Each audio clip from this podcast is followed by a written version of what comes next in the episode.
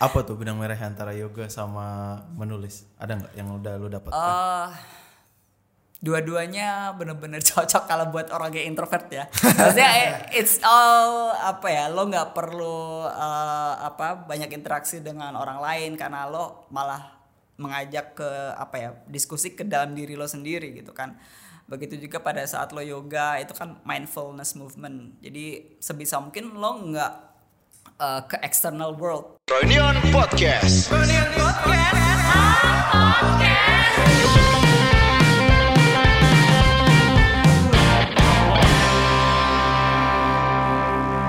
Selamat datang di Foreign Podcast episode ke-88 harusnya ya ini ya.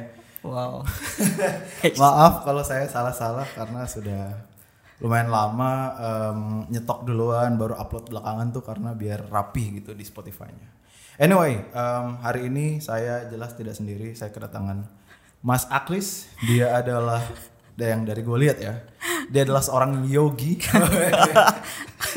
dia seorang penulis, dia orang yang berwibawa, tenang.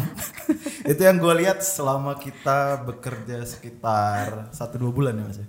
Oh, udah dari Mei kan gue. Dari Mei. Masuk ke Gimana rasanya di Freudian mas?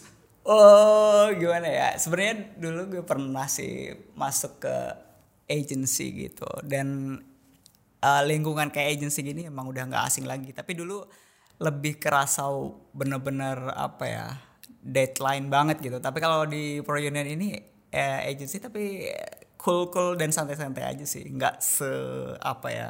Mungkin karena dulu uh, aku agensinya ngerjain kayak uh, annual report and then yang korporat-korporat gitu. Jadi beda. Gimana rasanya kerja di lingkungan yang didominasi oleh Very anak-anak muda ngaco? Sebenarnya karena uh, aku juga uh, banyak saudara yang lebih muda and then aku juga banyak gaul sama anak-anak muda dulu karena aku juga ngajar uh, di kampus gitu dulu. Jadi dosen part time gitu. Jadi aku udah nggak nggak aneh lagi sih. Tahu lagi mana Ya, approach-nya kalau- gitu. kalau lagi ngobrol-ngobrol aneh-aneh gitu kan. Lagi, I know, I know, I know. Ya soalnya di Iya. kita ini kan sering obrolan yang tiba-tiba ngomongin apa, tiba-tiba ngomongin Iya. apa. Jadi maaf kalau misalnya tidak apa, tidak pantas gitu didengarkan. Eh, tapi latar belakang lu sendiri sebelum Eh. akhirnya di Freudian kan penulis ya mas ya? Eh, panjang sih. Jadi dulu pertama gue kerja itu tahun eh, 2009 ya. Jadi eh, gue selesai S1 itu 2005. And then 2006 awal itu aku udah nerusin S2. Karena bukannya aku pinter tapi aku apa ya pengen ada kerjaan dan aku pengen punya nilai tambah gitu. Jadi eh, kalau gue pikir kan sekarang itu lulusan S1 udah kayak SMA ya. Maksudnya semua orang kayaknya udah kuliah Iya, gitu. iya, iya. So I think at that time ya aku gimana supaya aku bisa stand out gitu. Jadi dan aku eh, orangnya emang dari dulu akademik lebih itu ya. Jadi oh iya deh aku coba apa ambil S2 and then di apa Undip. And then aku eh, lanjutin. Jadi eh, wisuda S1 itu November 2005 eh 2005 and then 2000 eh, 2006 Februari itu gue udah eh, mulai tes masuk dan keterima di di Ponorogo. Hmm. Ngambil jurusan apa mas dulu? Ilmu humaniora. Buset, gue baru dengar. Jadi kayak eh, kita mempelajari manusia lah. Jadi apa eh, termasuk sastra, termasuk kayak apa sosiologi kayak gitu-gitu. Ada hubungannya sama psikologi tuh? Ada juga karena sastra kan itu kan juga isinya manusia dan manusia kalau membahas manusia nggak mungkin kalau eh, menghindari psikologi kan. Iya, Pasti ada ada psikologi sastra gitu juga ada. Oke. gue kalau mundur lagi tuh dari kapan lu mulai ada minat buat nulis tuh dari kapan? Sebenarnya dari wah udah lama ya. Karena dulu eh, orang tua itu juga eh, basic pendidikannya itu eh, maksudnya mereka tuh pendidik gitu loh. Oke, Jadi bapak aku itu dulu kepala sekolah and then ibu aku guru SD. Jadi ya you know eh, uh, people expected you to be also smart and then ya pokoknya uh, achieve lah di di sekolah gitu achieve and then kayaknya itu ke proyeksi ke aku gitu. Oh, and then tidak langsung. iya. Karena orang-orang kan masa anaknya guru goblok? Iya, dulu Kan sering mungkin. ya. iya Dulu kan? sering banget. iya kan? So I think itu kayak internalize di benak aku. Jadi oke aku supaya uh, pinter gimana ya? Terus uh, karena aku juga dari kecil itu udah diajak-ajak ke sekolah. Jadi orang tua aku gitu pas mereka ngajar atau lagi kerja gitu sering apa jemput aku terus ninggal aku di misalnya perpus atau di kantor gitu. Aku sendirian kadang baca buku atau apa. Jadi it's apa ya very academic since since very my early age. And then dari situ gue baca-baca and then kayaknya uh, udah udah terbersit sih. Maksudnya uh, bekerja sebagai penulis entah itu apa pun ya. Maksudnya dalam bidang yang bahasa gitu itu exciting banget gitu karena aku udah gemar uh, atau punya passion dari itu sejak kecil gitu Waktu di perpustakaan itu lu biasanya kan masalahnya orang yang belum baca itu kan nggak tahu apa yang mau dibaca kan. Uh-uh, lu inget nggak pertama-tama minat lu tuh di mana sebenarnya? Oh, dulu gue random aja sih. Maksudnya Oke. apa pun yang ada di perpustakaannya sekolahnya orang tua aku, aku baca aja. Jadi kadang aku ambil ke rumah, aku baca terus kadang gak dibalikin gak ada. Jadi apa? eh, karena aku suka banget gitu. Misalnya ada buku yang aku suka banget dan aku lupa balikin gitu. kadang ada. And then eh, dari situ eh, aku sukanya dulu itu kayak petualangan-petualangan gitu yang Enid Oke. Blyton and then apalagi ya uh, Little Prince kayak gitu-gitu fiction-fiction yang anak-anak dulu lah gitu nggak ada bacaan aneh sih dulu. Little Prince juga berat kalau itu. ya itu ternyata ada nilai filosofisnya Iya, gitu iya, kan. iya. iya iya iya. Suka sih itu. Eh, di ini nggak? Apa ada keharusan nggak dari orang tua? Kayak lu harus baca ini atau karena latar belakang keluarga dari tenaga pendidik kan biasanya lebih eh, terstruktur gitu. Ke depannya tuh mau apa? Itu hmm. udah secara tidak langsung diarahkan baca ini baca ini nggak? Kalau gua kan emang enggak Eh, kalau orang tua aku itu eh, mereka pendidik tapi sebenarnya mereka juga nggak terlalu apa ya mereka itu baca untuk eh, tujuan eh, profesi. Jadi misalnya harus belajar ini karena eh, mau ngajar ini gitu. Tapi karena aku itu bel- apa baca itu bukan karena untuk Biar dapat duit atau karena kerjaan tapi karena aku suka aja gitu kadang gitu. Menarik aku iya. So I I don't feel any pressure atau di merasa di push atau apa gitu. Gue masih bingung ada orang suka baca tuh soalnya, soalnya kalau gue sekarang baca karena ya mungkin setelah selesai baca buku ini bisa menambah pengetahuan gue atau opini gue makin tajam gitu kan. Heeh. kalau lu sampai sekarang masih kayak gitu? Iya I mean uh, reading for sheer pleasure Aha. no pressure just like yeah just for fun Oh, masih heran. masih heran tuh. Apa karena eh, bukannya membandingkan ya? Apa karena dulu sumber hiburan tuh terbatas mungkin? mungkin mungkin mungkin jadi mungkin dulu uh, uh, dulu itu kalau aku apa ingat-ingat lagi ya jadi emang di sekolah itu emang nggak ada apa ya HP nggak ada Iya. TV dan cumanya ada uh, ada apa perpus itu jadi ya udah aku coba untuk eh, apa ya mengeksplor apa pun yang ada di perpus itu dan ternyata aku suka gitu dan mungkin ada orang-orang yang kayak awing gitu ya maksudnya dia bener-bener visual dan nggak bisa eh, membayangkan apa pun yang ter- ada di teks gitu kan Iya, iya. dia maunya yang ada yang gambar bergerak suara gitu tapi kalau aku eh, aku bisa membayangkan apa yang ada di teks itu dan aku nggak merasa kesulitan gitu Hmm, hmm. Keren sih kalau. Lu waktu masih masa-masa itu tuh mulai meluangkan waktu, menghabiskan waktu di perpus, merasa lu weird atau dibully gitu nggak? Hmm, enggak sih, karena pas itu aku masih sekolah di eh, sekolah bapak aku. Jadi eh, dulu aku kelas 1 itu sekolah di sekolahnya bapak aku. Jadi kepala sekolahnya itu bapakku. And then pas di situ kelas 1 itu eh ya karena mungkin nggak tahu ya apa karena aku pinter atau karena itu sekolahnya bapakku jadi jadi apa nilainya tuh bagus itu dan aku merasa hmm, aku pengen sekolah di yang lain deh maksudnya yang Ah. nggak ada bapak gitu Ah, ah, nggak tahu ya mungkin dari dari kecil itu aku udah pengen kayak explore something new and then uh, apa ya a different world pokoknya yang dari orang tua aku udah apa eh itu tekuni gitu and then aku pindah sekolah tuh pindah sekolah Ini hanya eh, apa nih SD? SD SD Buset lu. ya SD so I, aku bilang ke orang tua aku aku kayaknya mau pindah sekolah deh Wow. dan mereka ngizinin ya udah gitu apa tujuannya pindah SD? Eh, pertama karena jadi aku dari pindah dari sekolah negeri yang apa kepala sekolahnya bapakku Iya. itu ke sekolah swasta yang emang lebih bagus eh, katanya eh, kayak apa ya guru-guru mereka itu lebih eh, apa ya ngajarnya lebih bagus and then eh, output eh, lulusannya juga lebih unggul gitu. Jadi pak kayaknya aku mau ke sana deh gitu. Kayak udah apa ya I love to challenge myself gitu. Gila banget anak SD ngomong gitu.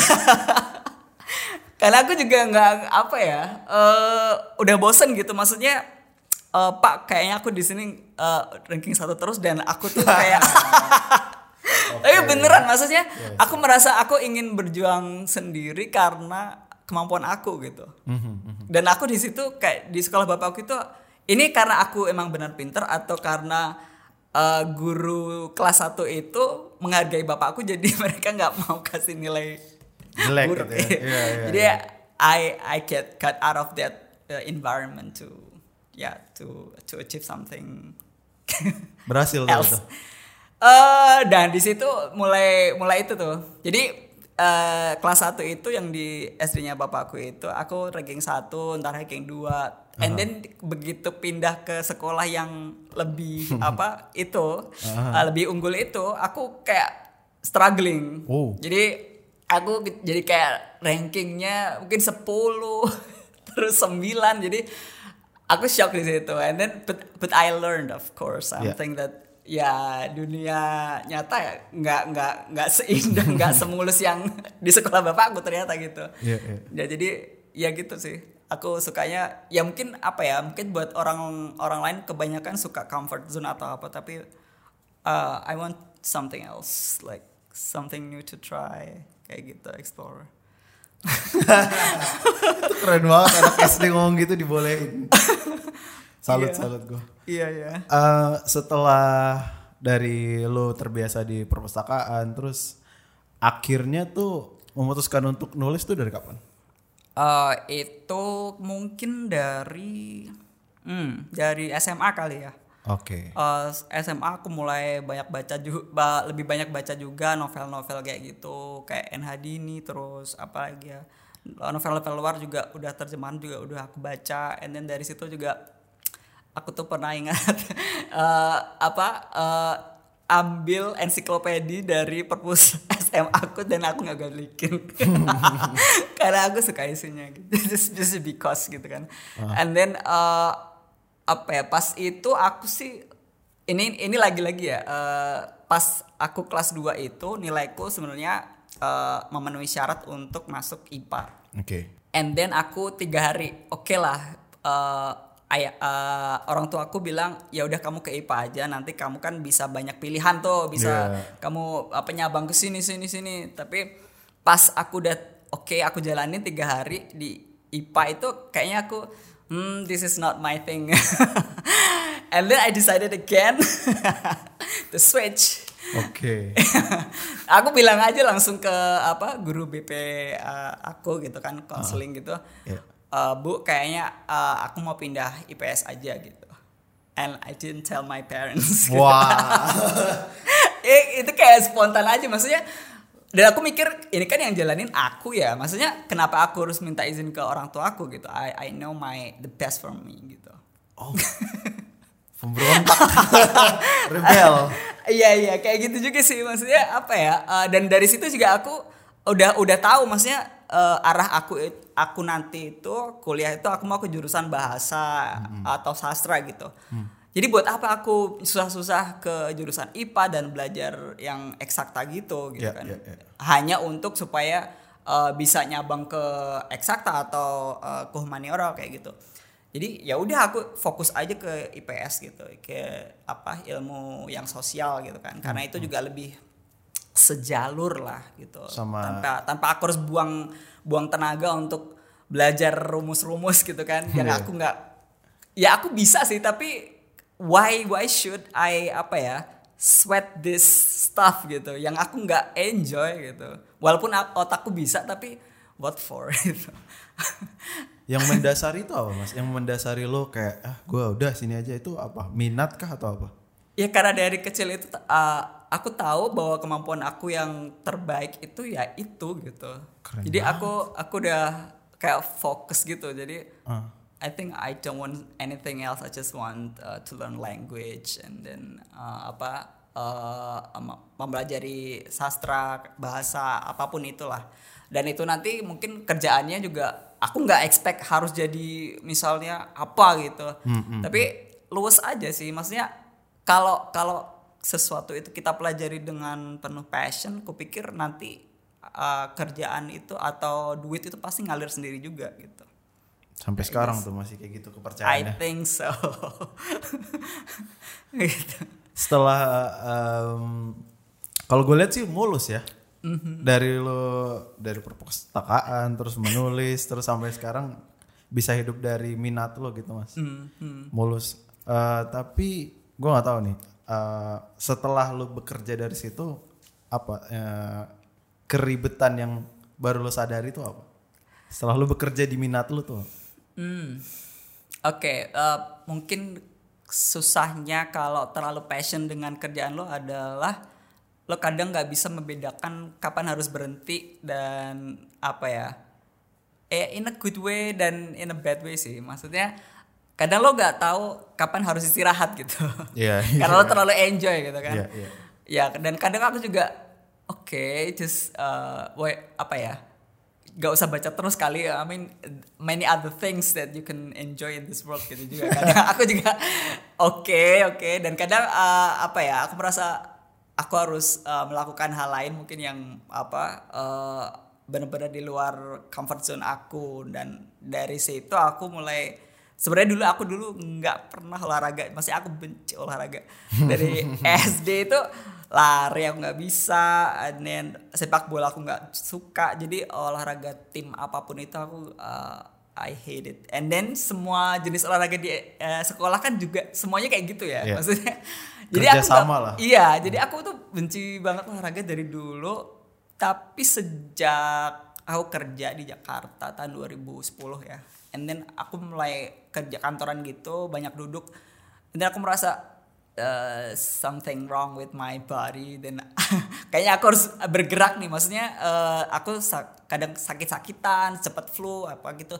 Terus aku uh, mikir tuh aku nggak suka olahraga yang apa sama tim atau bermain yang misalnya bulu tangkis gitu. Aku nggak suka olahraga permainan.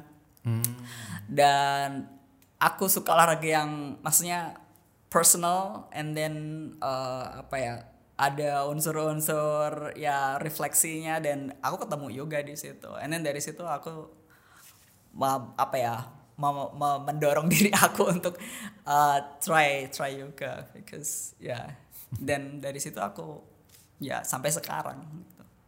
Apa tuh benang merah antara yoga sama menulis? Ada nggak yang udah lu dapat? Eh, dua-duanya bener-bener cocok kalau buat orang yang introvert ya. Maksudnya eh, it's all apa ya, lo nggak perlu eh, apa banyak interaksi dengan orang lain karena lo malah mengajak ke apa ya diskusi ke dalam diri lo sendiri gitu kan. Begitu juga pada saat lo yoga itu kan mindfulness movement. Jadi sebisa mungkin lo nggak eh, ke external world. Jadi misalnya banyak orang yang kalau di kelas yoga itu kan membandingkan diri badan dia dengan badan orang lain Iya, temannya. Misalnya orang temennya bisa, dia nggak bisa, terus dia merasa down atau apa. Nah itu sebenarnya kita harusnya malah harus apa mengamati badan kita sendiri gitu. Kita nggak perlu uh, compare atau kita merasa down hanya karena kita nggak bisa atau merasa jumawa kalau kita bisa gitu. So it's about your personal journey and path. Pada saat kayak gimana kan yoga itu bergerak ya. Hmm. Pada saat kayak gimana sih lo akhirnya bisa merasa lo refleksi diri nih pas melakukan gerakan-gerakan ini? Kadang uh, jadi semua itu kan berasal dari uh, surface dulu, maksudnya permukaan dulu. Permukaan dulu itu maksudnya adalah badan fisik kita.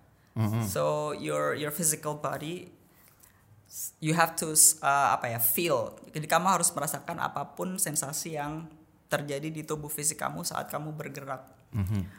Misalnya pada saat kita berdiri itu jari-jari kaki kita gimana rasanya menapak ke apa permukaan lantai itu gimana. So you have to like observe deeply and then feel it like mindfully without apa ya thinking other things. Jadi ka- kamu bener-bener kayak uh, fokus pikiran kamu itu ke area situ and then feel that and take a moment like ya se se semau kamu. Maksudnya just to feel it. I know it sounds apa ya crazy tapi kadang kita banyak yang apa ya eh, di dunia modern ini kan kita banyak mul- eh, multitasking. Iya, iya. kita mungkin lagi apa ngobrol sama temen sambil ngecek ngecek HP, iya. mungkin apa dengerin musik sambil ngerjain sesuatu. Nah di yoga itu kita disuruh monotasking. Mhm. So jadi eh, antara pikiran kamu sama badan kamu itu satu apa ya satu kesatuan gitu. So it's a unity. Jadi nggak bisa lo badan lo di sini lagi yoga pose yoga tapi pikiran lo ke mana-mana. gitu. Jadi you have to like apa ya eh, nyeret pikiran lo itu yang sedang ke mana-mana itu kembali ke in the present moment Oke. and here gitu.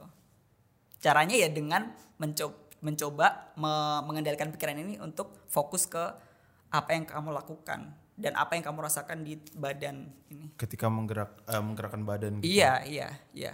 Kayak gitu. Jadi misalnya kamu lari nih. Iya, iya, iya. Kamu lari, so you have to apa ya, focus uh, on your steps. Hmm, benar. Tak tak tak tak tak. Itu kan juga sebenarnya eh, apa ya, sangat menyegarkan pikiran sebenarnya.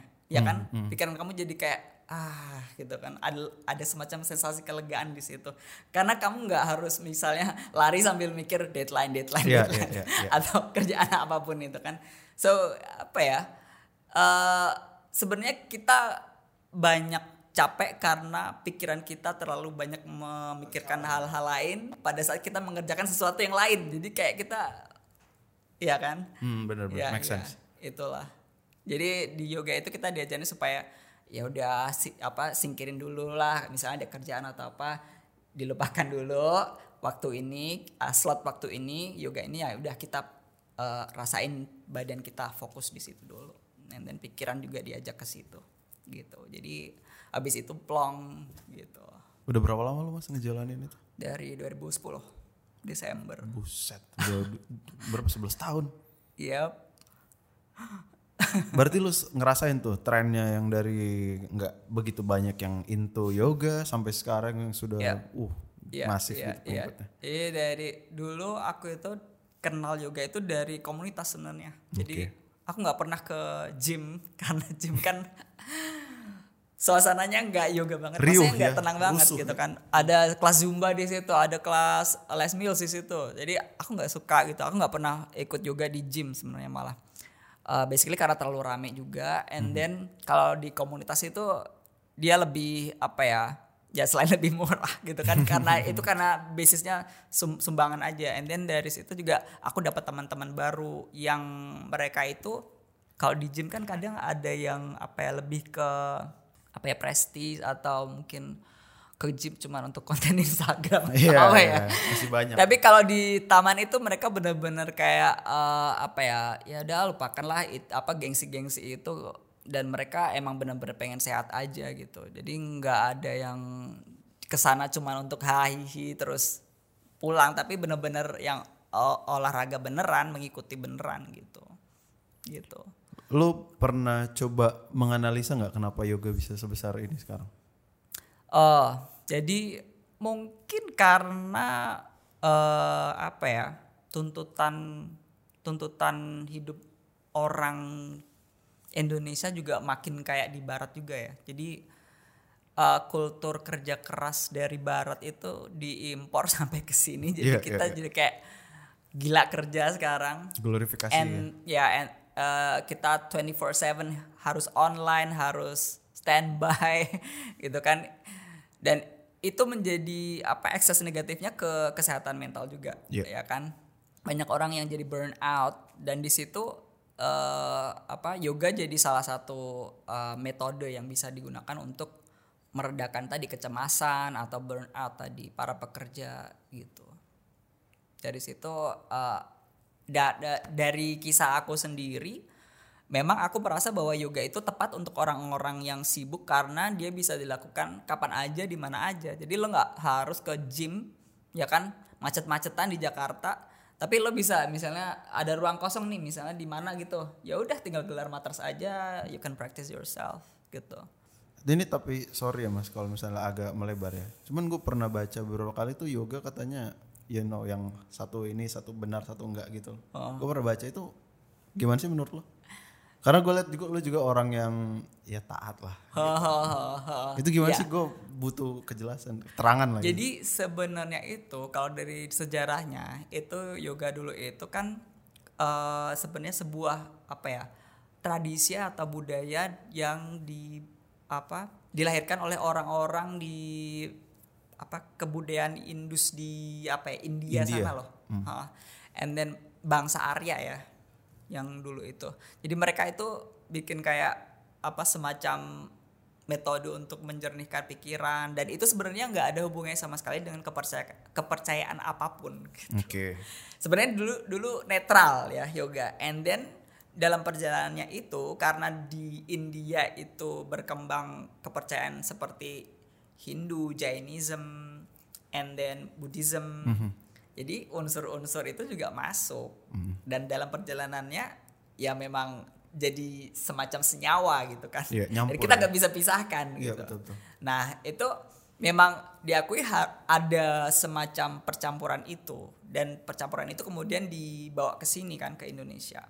Nah tapi dalam yoga untuk modern sekarang ini sebenarnya udah dikemas menjadi yoga yang lebih sekuler.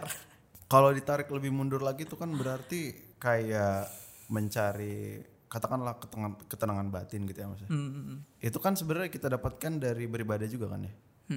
Itu lu nggak nggak jadi apa ya kayak membandingkan gitu nggak? Oke, jadi Manusia kan otaknya segede bakpao doang nih ya. Iya, iya, iya. Kan suka gitu kan. Jadi sebenarnya dulu tahun 2009 itu MUI itu pernah ngumumin fatwa haram yoga. Iya, iya. ya kan? Terus ada kisruh tuh. Nah dari situ sebenarnya eh, ada praktisi-praktisi yoga yang kemudian ditanyain itu jadi emang bener ya? Jadi itu sebenarnya dari kasus di Malaysia kemudian orang Indonesia mulai meneliti. Jadi MUI langsung oh di Malaysia kok ada eh, fatwa haram gitu? Apakah bener? Jadi mereka langsung neliti tuh praktisi yoga di Indonesia gimana. Iya, iya. dan emang kalau kita pakai mantra ya mantra yang uh, untuk kepercayaan lain itu emang nggak boleh. Jadi uh, MUI udah memfatwakan bahwa kalau ada yoga yang mencampur dengan uh, elemen mantra, misalnya pemujaan dewa ini dewa itu, itu nggak boleh dianggap haram. Jadi yoga yang boleh menurut MUI itu adalah yang berdasarkan eh, apa metode pernapasan, cara napas, teknik napas, latihan napas kayak gitu ya. Ah, dan eh, asana atau postur fisik. Jadi gerakan-gerakan yoga itu Nggak namanya semuanya. asana ya? gitu. Nggak semuanya bisa kita apa ya lakukan gitu di sini ya. Mm-hmm. Ada beberapa yang dilarang. Ada beberapa yang dilarang gitu. Kalau Karena itu apa, Mas, ada dilarang, Mas? ya karena di yoga kan sebenarnya ada banyak eh, school atau aliran gitu kan. Iya. nggak cuman satu. Nah itu ada aliran yang memang dia saat latihan itu harus ada mantra. Oh. Iya gitu. Dan itu misalnya kayak kundalini atau misalnya apa lagi ya. Jadi biasanya bak bakti yoga itu juga mereka kayak ada nyanyi-nyanyian kayak gitu. Dan Penyembahan itu lebih jadinya ke ya. Hinduism dan some, uh, something like that lah ya jadi bukan bukan muslim gitu nah itu kenapa MUI merasa harus apa diklirkan nih batasannya Ya. yang boleh gimana yang nggak boleh gimana. Nah pada saat itu uh, apa rame tuh kan. Iya, iya. terus guru aku yang di komunitas uh, di Taman Suropati itu merasa kayaknya ini orang-orang pada salah paham karena mereka langsung ngejudge gitu loh. Nggak baca berita keseluruhan tapi langsung wah yoga haram titik gitu. Padahal ada pengecualiannya dan dari situ guru aku itu langsung concern nih oh yoga ini olahraga mahal gitu kan lah kan tahu kalau di Iya. Kemang sekali masuk itu 120 per kelas kalau enggak itu kelas INR itu bisa sera- 250 per kelas Buset. per sesi jadi mahal banget jadi Iya. untuk me, me- mem- apa ya me- menjernihkan kesalahpahaman itu guru aku itu bikin komunitas dan dan di situ kelas yoganya itu di taman dan bisa diikuti oleh siapa aja siapa pun ya. Mau dia eh, warga apa pun terserah gitu kan. Mau cowok cewek eh, trans boleh. Jadi kita benar-benar inklusif gitu. Dan emang misinya untuk memperkenalkan juga ke sebanyak mungkin orang gitu. Jadi jangan sampai karena fatwa itu ada jadi orang langsung ngejudge yoga semuanya haram padahal ada manfaat kesehatan di balik yoga itu. Selain kesehatan mental juga kesehatan fisik gitu. Oke. Gitu. Lu dari tadi mention beberapa kali kesehatan mental ya mas ya? Iya, kesehatan mental. Itu ada hubungannya juga sama yoga? Setelah Iya, lu iya, rasakan iya, sendiri? Iya, iya. Kayak gimana contoh kasusnya tuh gimana sih coba? Kalau di kasus aku sendiri ya, misalnya nih ke, dulu aku juga eh, pas tahun 2010 itu kerja ya di korporat, you know lah kerjaan korporat office politics and then Iya, iya. Nggak kuat. you know. Jadi uh, pernah ada clash lah sama rekan kerja gitu. And then dari situ kepikiran. Aku aku orangnya ke- uh, emang sensitif dan sering kepikiran gitu. Jadi dari situ tidur jadi nggak enak and then makan juga pokoknya merembet ke semuanya. Aku kerja juga jadi kayak resah anxious gitu terus kan.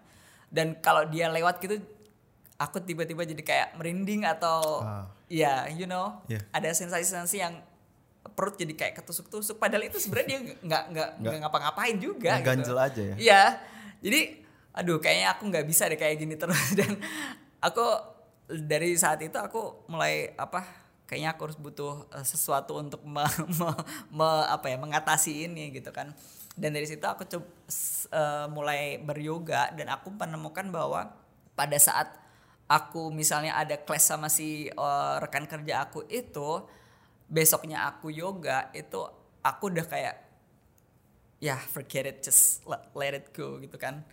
Eh, apa pun yang kemarin udah terjadi ya udah gitu. Dan nggak usah gue pikirin lagi gitu. Dan kalaupun ada apa dia mau nyamperin lagi atau bikin masalah lagi ya ya udah silakan. Jadi aku kayak apa ya lebih grounded dan lebih eh, open to any possibilities dan aku kalau nggak merasa salah ya ya udah jangan terlalu dipikirin gitu maksudnya aku jadi merasa lebih jernih dan melihat eh, semua hal itu jadi lebih ke proporsional gitu. Iya. Jadi nggak nggak yang membesar-besarkan atau nggak terlalu mengecilkan juga. Jadi oke aku mengang- aku sekarang ma- coba menganggap dia sebagai seorang manusia karyawan biasa yang nggak menjadi ancaman buat aku gitu kan. gitu. Jadi aku apa kayak eh, bisa berpikir lebih jernih habis aku latihan yoga and then jadi di tiap eh, latihan yoga itu kan pasti ada kayak eh, pose pendinginan gitu kan. Kamu eh, disuruh tidur, eh, bukan tidur sih, terlentang. Iya. Tapi dalam pose terlentang itu kamu memejamkan mata dan kesadaran kamu itu tetap terjaga. Jadi nggak nggak tidur completely ya, tapi masih harus terjaga dan kamu harus bisa merasakan sensasi di tubuh. Dan itu eh, refreshing dan relaxing banget gitu. Karena kamu cuman just feel your body, feel your your apa ya? Setiap napas, setiap mungkin kamu bisa meranyak, merasakan denyutan apa jantung kayak gitu. So uh, jadi kayak lo harus ngerasain dari body scanning gitulah. Apa sih yang kamu rasain di ubun-ubun, di mata, kemudian di leher. Jadi kamu juga bisa merasakan tuh misalnya ada apa gangguan kesehatan misalnya ada yang nggak enak nih di sini atau di mana itu dari kamu Terasa. kerasa iya iya kan kadang kalau kita pernah cedera atau eh, jatuh atau apa kadang kita ditanya orang kan kamu eh, kapan ini jatuhnya? Nggak tahu. Tiba-tiba sakit aja gitu. Iya, iya. karena kita kurang aware sama badan sendiri gitu kan. Tapi kalau pas di yoga kita jadi kayak disuruh ayo dicek eh, apa komponen-komponen suku cadang kamu ini iya, gitu kan. Karena kamu yang cuman yang apa ya, kamu yang punya dan kamu yang bisa merasakan sendiri gitu. Kamu nggak bisa menyerahkan itu ke dokter atau apa gitu. Gitu sih.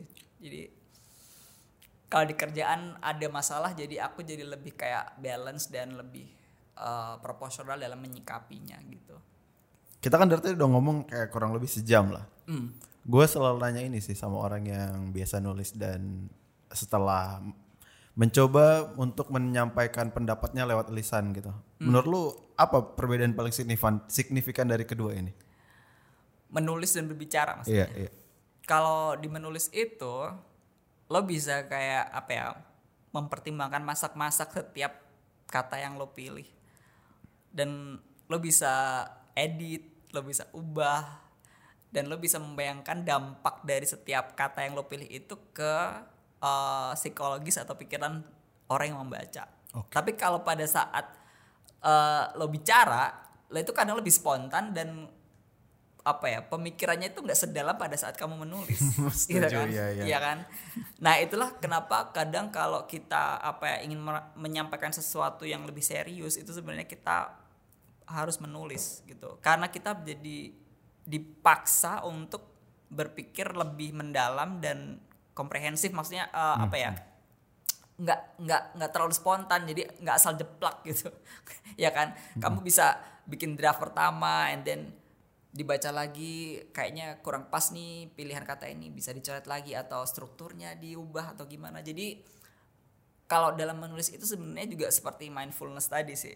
Lo harus benar-benar sadar kenapa kata ini dipilih. Uh. kenapa nggak kata yang itu misalnya. Wih. Iya kan? Jadi ada apa ya yang lebih subtle atau lebih halus lagi kalau dalam menulis sih. Aspek eh, mungkin ke psikologis si pembaca dan supaya pesan itu nggak melenceng gitu kalau dalam ngobrol kan kita kadang salah ngomong atau salah Iya. pilih eh, Kata. kata. dan itu jadi blunder Iya, ya kan iya, iya. kalau dalam menulis itu kemungkinannya lebih kecil karena lo punya banyak waktu untuk merenungkan kata-kata yang kamu pilih, kemudian susunan kalimatnya gimana dan apa eh, hal-hal kecil yang mungkin dalam ngobrol itu diabaikan aja, tapi sebenarnya itu penting banget gitu. Hmm. Coba kalau misalnya gue minta lu untuk ngebujuk gue, lu harus nulis Frank. Itu kenapa apa tuh alasannya? Kenapa lo harus nulis? Ya, eh, bukan gue sih, mungkin bisa buat pendengar juga. Oke, mengapa lo harus menulis? Mungkin yang pertama masih ada kaitannya dengan mental health juga sih. Jadi kalau dari gue sendiri sih, gue gue sendiri walaupun gue cowok, gue kadang nulis jurnal, Iya. gitu kan tiap Hmm, hari. gue juga masih kok. Oh, nulis jurnal and then kayak just write anything gitu. Jadi kayak what I feel that day and then apa yang aku lakuin, apa aku ketemu siapa aja. And then aku ngomongin apa aja atau ada kejadian yang menjengkelkan apa atau mengembirakan apa gitu kan. Momen-momen yang misalnya si ini ulang tahun, si itu lagi apa sakit atau apa gitu. Kadang aku masukin ke jurnal supaya aku kayak oh apa kayak ada ya kejadian-kejadian kecil yang aku catat itu kalau aku baca lagi itu jadi kayak wow maksudnya membuat aku senang susah apa bukan senang susah ya tapi lebih ke haru atau Oh, ya. jadi kayak nostalgia gitu lah dan dan kadang ada juga yang membuat aku jadi oh aku tuh udah berubah sejauh ini gitu. Hmm, kadang ada yang dulu uh, tulisan-tulisan aku gitu aku dulu mikirnya mikirnya kayak masih X gitu kan. Sekarang aku udah berubah jadi Z gitu yang completely different gitu. Nah itu aku bisa bisa merasakan perubahan itu karena aku reflection uh, atau menulis uh, kayak jurnal refleksi itu di secara tertulis gitu. Kalau aku cuman ingat aja pasti udah lupa kan. Iya, iya, iya. Pokoknya kita taunya kalau nggak nggak kita tulis jadinya kayak oh tiba-tiba tuh udah kayak gini aja gitu. Padahal itu it takes uh, apa ya time ya. Proses itu terjadi tiap hari tiap hari. Dan lu bisa sebenarnya catat dan bisa eh, rasakan itu gitu dan bisa lo apa ya observe lagi gitu Uh, uh, jadi uh, uh. kayak gitu sih Kayak gue pada beberapa tahun yang lalu tuh pasti beda sama gue yang sekarang lah ya. Iya iya, jadi lo bisa tahu perkembangan diri lo, and then cara pemikiran lo, cara lo memandang dunia, memandang keluarga, teman, siapa pun itu, bahkan musuh lo, gitu Iya, kan. iya. Siapa tahu mungkin musuh lo yang sekarang jadi teman lo di masa depan atau apa. iya. Ya who knows gitu kan. Jadi ada ada banyak banyak uh, benefitnya sih kalau menurut aku. Dan kalau mungkin uh, lo nggak berminat mempublish pun sebenarnya udah ada benefitnya kalau lo mau menulis uh, seperti jurnal tadi kan itu juga bagus untuk mental health gitu. Jadi lo kayak misalnya ada hal-hal kalau bagi cowok kan kita nggak seterbuka itu am, kayak cewek ya. Iya. cewek kan apa pun diomongin sama temennya ya kan? Iya. Rupi aja. Tapi kalau cowok terutama yang uh, introvert gitu biasanya ada hal-hal yang nggak bisa diomongin sama uh, teman ada beberapa hal yang mungkin terlalu sensitif atau peka yang lo, lo mungkin justru lebih bagus untuk ditulis karena itu lebih ke internal apa ya konflik ya kan? Iya. itu bisa lo track atau lo bisa lacak perkembangannya itu dari jurnal kamu itu gitu jadi you know how you develop yourself and then your mindset your way of thinking itu perubahannya dari jurnal itu kamu bisa tahu gitu Oke. Gue coba nanti bener. it's self development Iya, also iya. Yeah. Harwin udah sebenarnya udah menjalankan ini juga sih. Harwin itu lagi nge-journaling dan gua suka gitu loh kalau orang menemukan satu konsep yang cocok buat dia dan gue selalu pengen denger gitu. Karena mungkin bisa cocok buat gue juga. gitu. Jadi akhirnya pengen gue coba.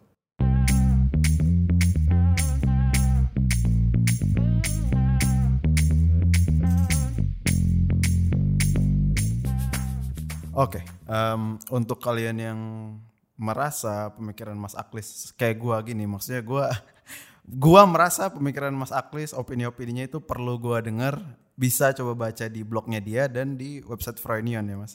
Biasanya tema-tema seputar apa sih Mas yang dibahas di di website Freudian? di website kita ada beberapa rubrik ya. Jadi misalnya ada kayak Chiefs itu kayak karya-karya kreatif dari anak-anak eh, civilians ya. Jadi kayak misalnya kamu punya apa nih? Misalnya eh, karya apa terbaru? Misalnya bikin sneakers atau apa pun, kamu bisa eh, hubungin kita and then nulis di situ kayak gitu. And then ada juga kolom Bang Roy. Kolom Bang Roy itu kayak eh, tanya misalnya apa ya terakhir kita nulis soal kayak uh, masalah kampus. Misalnya gimana sih kita bisa adjust di lingkungan yang baru pada saat kita masih kuliah online kayak gitu-gitu. Jadi gimana supaya apa ya jadi mahasiswa yang cool.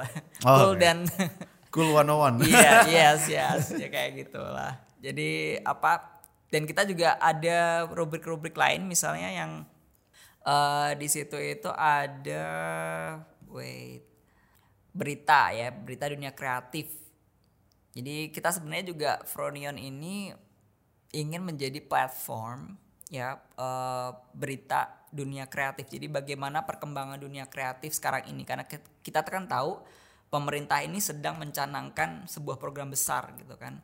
Jadi mereka ingin supaya industri kreatif kita itu sebagai apa ya lokomotif penggerak ekonomi gitu kan.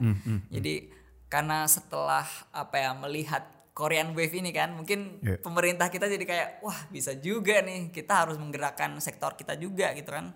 Kapan lagi? Masa kita mau jadi pasar terus? gitu kan. mungkin jadi seperti itu ada semacam pemikiran itu dari pemerintah dan memang dari Kemenparekraf sudah ada kayak banyak program dan kita juga melihat bahwa dunia kreatif kita juga makin apa ya berkembang juga dan kita banyak eh, mencoba untuk meliput semua perkembangan itu di rubrik kreatif ini gitu. Eh, gue mau nanya ini sebenarnya. Ini beda nih. Lu tahu nggak kenapa minat baca di Indonesia itu rendah banget? Ada opini tersendiri nggak mas soal itu mas? Ini melebar cuman udah lah. Kak, ya eh, kalau menurut eh, analisis gue ya, Iya. karena mungkin dari dulu kita itu udah apa ya budaya baca itu belum ada dan belum mengakar kuat, tapi udah keburu masuk produk-produk misalnya televisi, radio dan itu lebih mengasihkan daripada baca buku. Iya, iya benar. ya. Jadi mungkin eh, aku lihat dari perkembangan sastra kan dulu kan balai pustaka itu kan pada awal abad 20 kan. Tapi itu pun eh, apa ya berkembang di kota-kota besar aja. Jadi kayak eh, pusatnya di Jakarta atau Surabaya, Bandung kayak gitu. Dan itu buku itu kan buku itu kan termasuk komoditas yang mahal ya. Iya. Nggak semua orang bisa akses. Jadi paling cuman bangsawan-bangsawan bah- uh, orang-orang kaya doang yang baca buku gitu. Dan semua orang juga nggak mungkin dulu udah pada melek apa aksara semua kan. Jadi memang uh, apa ya bangsa kita itu kayak udah ketinggalan kemudian harus me- mengejar lagi ketingga- ketertinggalan itu dengan mengadopsi hal yang baru lagi. Jadi udah kayak nggak ada waktu untuk me- apa ya menanamkan budaya membaca itu loh. Jadi kita tuh nggak kayak eh, bangsa lain yang udah ada budaya membaca dulu baru ada misalnya Entertain eh, Iya, entertain entertain entertainment dari radio atau televisi. Itu kan pada saat mereka udah lumayan settle ya budaya bacanya. Tapi kita kan sudah kayak melompat gitu. Kita belum baru kayak berapa tahun itu pun ada kemerdekaan perang kemerdekaan dan kita nggak mungkin lah. Misal kita baca pada saat eh, apa ada perang dan pergulakan kan? Nah dan tiba-tiba langsung ada masuk televisi radio dan itu ya udah. Jadi kita Nggak pernah- ya. iya nggak pernah membaca. Jadi kayak perkembangan kita tuh udah kayak eh, eh, dilompatin aja sih. Jadi membaca itu memang bukan apa ya budaya kita dan budaya nenek moyang kita lebih ke budaya oral juga ya kan jadi lebih banyak ke dongeng Hmm, ya kan storytelling ya. ya kan nggak pernah kita diajarin misalnya dari dulu ayo dong bikin cerita nah apa tulis apa gitu kan nggak mungkin Enggak, selalu ya. didongengin Iya benar. Iya kan? Kita didongengin bukan bukan apa apa ditu, apa dicontohin untuk nulis atau apa itu nggak pernah kan. Kita selalu didongengin. Gitu. Jadi eh, memang dari segi masyarakat kita sendiri lebih suka ke budaya oral, ya lisan dan itu juga tadi perkembangannya udah diloncatin jadi kayak kurang udah nggak nggak nggak nggak ada fondasi ya. Jadi nggak ada fondasi dan udah diloncatin sama TV dan radio Apalagi HP sekarang. apalagi sekarang HP udah ambiar gitu kan makin makin belok lagi gitu. iya ya. makin udah ya udahlah gini gitu Jadi lu sekarang udah kayak damai aja apa masih ada sebenarnya masih ada cita-cita harapan gitu sih dari- sebenarnya enggak aku yakin se- uh, masih ada anak-anak Indonesia yang atau generasi muda Indonesia yang suka baca tapi Hmm. mungkin memang medianya enggak di buku kertas atau buku yang Ah. konvensional mungkin karena mereka udah nyaman pakai apa gadget ya mungkin dalam bentuk e-book atau mungkin baca di Kindle atau apa pun itu yang mobile dan lebih praktis gitu kan Yang penting konteksnya baca lah ya. Betul betul. Dan kalau menurut gue sih emang apa ya? Eh, itu kan cuman masalah eh, Device apa? ya? Ya medianya media. aja. Jadi nggak masalah sih menurut aku. Kita masih bisa punya apa ya? eh, harapan lah untuk membangkitkan budaya membaca itu. Walaupun memang eh, nggak harus dalam bentuk buku fisik kertas yang dibawa ke mana-mana gitu. Hmm, Nggak nggak harus kayak gitu gitu. Iya makanya eh, gue sendiri ngerasa sih untungnya gue mulai baca dari dua tahun lalu tuh. Ya untuk mendengar broadcast sudah tahu loh yang dengerin awal-awal sampai akhir-akhir ini keliat lah perubahannya itu. Eh, makanya gue selalu suka gitu ngasih tau orang tuh baca penting ngebantu lo di dunia mana pun kerja industri kreatif dan lain-lain segala macam gitu. Eh, ini pertanyaan terakhir janji untuk kita nih yang katakanlah di apa ya eh, dewasa muda sudah mencapai tahap dewasa muda atau yang dipandang sebagai abang-abangan lah misalnya Freudian gitu. Kita tuh harus gimana sih biar bisa me- apa ya menimbulkan minat baca lah di mereka yang lebih muda gini? Caranya mungkin beda-beda ya cuman kita tuh harus gimana? Eh, sebenarnya di aplikasi-aplikasi e-library itu banyak banget loh. Jadi sebenarnya kalau kita bilang uh, or anak-anak muda malas membaca juga sebenarnya enggak. Tapi cuman uh, medianya aja yang berbeda dan sebenarnya itu baca itu bisa di uh, aplikasi e-library yang banyak diproduksi oleh pemerintah-pemerintah kabupaten, provinsi itu sudah banyak loh. oh ya Iya, jadi aku pernah uh, sedikit bocoran lah uh, apa ngerjain sebuah website dari sebuah perusahaan yang dia kerjanya itu membuat aplikasi library buat pemerintah-pemerintah itu. Jadi dari apa uh, banyak sih, udah banyak banget dari apa ya pemerintah Jogja, terus DKI sendiri, Surabaya mana pun kayaknya sudah kebanyakan pada bikin aplikasi seperti itu karena itu termasuk kayak e-governance gitu loh. Jadi kayak standar. ya. Jadi pelayanan publik. Jadi eh, literasi itu kan juga termasuk pelayanan publik. Ya. Ya. Jadi eh, kalau buat anak-anak muda sekarang sih aku saranin daripada kita nge-push mereka buat ayo dong baca buku atau apa gitu, mending lo perkenalin misalnya eh, dengan aplikasi-aplikasi itu dan lo nggak harus apa mahal-mahal gitu. Jadi itu sebenarnya aplikasinya bisa diakses secara gratis. Hmm. Jadi lo bisa eh, pinjem nggak bukannya download buku bajakan gitu Hmm, kan iya, iya. ya kan tapi tetap lo bisa eh, apa eh, memper kayak pengetahuan dari situ dan lo nggak nggak harus melanggar hak cipta dan dan itu completely free gitu. Dan lo bisa baca di HP Iya, ya. Nggak iya. perlu apa beli di toko buku apa dan harus bawa ke mana-mana berat gitu nggak perlu. Jadi sebenarnya kita harus mengenalkan banyak uh, media-media baru yang sebenarnya bisa apa ya me- membuat pengalaman membaca itu nggak semonoton yang dulu gitu. Jadi kadang kan kalau ebook kita bisa bacanya nggak harus apa ya per per halaman yang ini ini ini. Tapi kita bisa loncat-loncat atau kita search nih dari misalnya kalau ebook kan sebenarnya asiknya itu adalah kita bisa search kata kunci yang kita tertarik apa dan kita bisa langsung baca ke bagian itu. kan. Iya, iya. Nah, kayak gitu sih sebenarnya kalau uh, kita kampanyekan aja membaca itu sebenarnya sekarang lebih asik karena di ebook itu banyak fitur-fitur yang memudahkan kamu untuk lebih cepat mendapatkan informasi yang kamu butuhkan daripada kamu baca buku yang manual yang kamu harus baca indeks atau apa kayak Iya, gitu balak-balik gitu. Jadi lebih praktis menurut aku gitu. Oke. Yep. Walaupun menurut saya baca buku kertas masih lebih keren lah. Oke, we, we agree to disagree on that. bercanda, bercanda, bercanda. bercanda. Tapi emang aku aku uh, aku akui sendiri kalau membaca buku da, apa fisik itu memang lebih uh, bersahabat buat mata dan minim distraction. Itu itu emang lebih bagus. Tapi kalau di sini juga sebenarnya kita bisa minim distraction dengan mematikan koneksi. Iya, sama do Iya not kan? disturb. Iya, bisa, bisa sebenarnya. Tergantung kita sendiri sih sebenarnya. Semuanya tergantung kita sendiri kok. Mm, mm, mm. Iya kan? Setuju. Jadi sosial media juga sebenarnya nggak me- membuat apa ya? Distraksi. Minat minat minat baca kita turun. Sebenarnya itu kembali ke diri kita semua sendiri sih. Oke, Mas. Setuju gua. sebenarnya kita bisa menggunakan sosial media itu untuk mem- menyebarkan minat baca Iya. daripada mem- memusuhi sosial media sebagai apa penghancur minat baca. Ini menarik. Just- Eh di Twitter juga banyak tuh thread-thread yang panjang, horor, tetap gue baca. Nah, ya. Ya walaupun Jadi pengemasannya aja. kan? pengemasannya aja yang Iya. berbeda. Eh, Tapi untuk kalian yang mau baca seputar dunia kreatif, seputar Froyonion di dalamnya, se- seputar culture muda-mudi, bisa ke website kita, uh, froyonion.com. Eh, terima kasih Mas Aklis sudah menyempatkan waktunya. Thank you, thank you Chief, thank you Frank. Sampai jumpa teman-teman di episode broadcast selanjutnya. Sampai jumpa. Dadah. Dadah.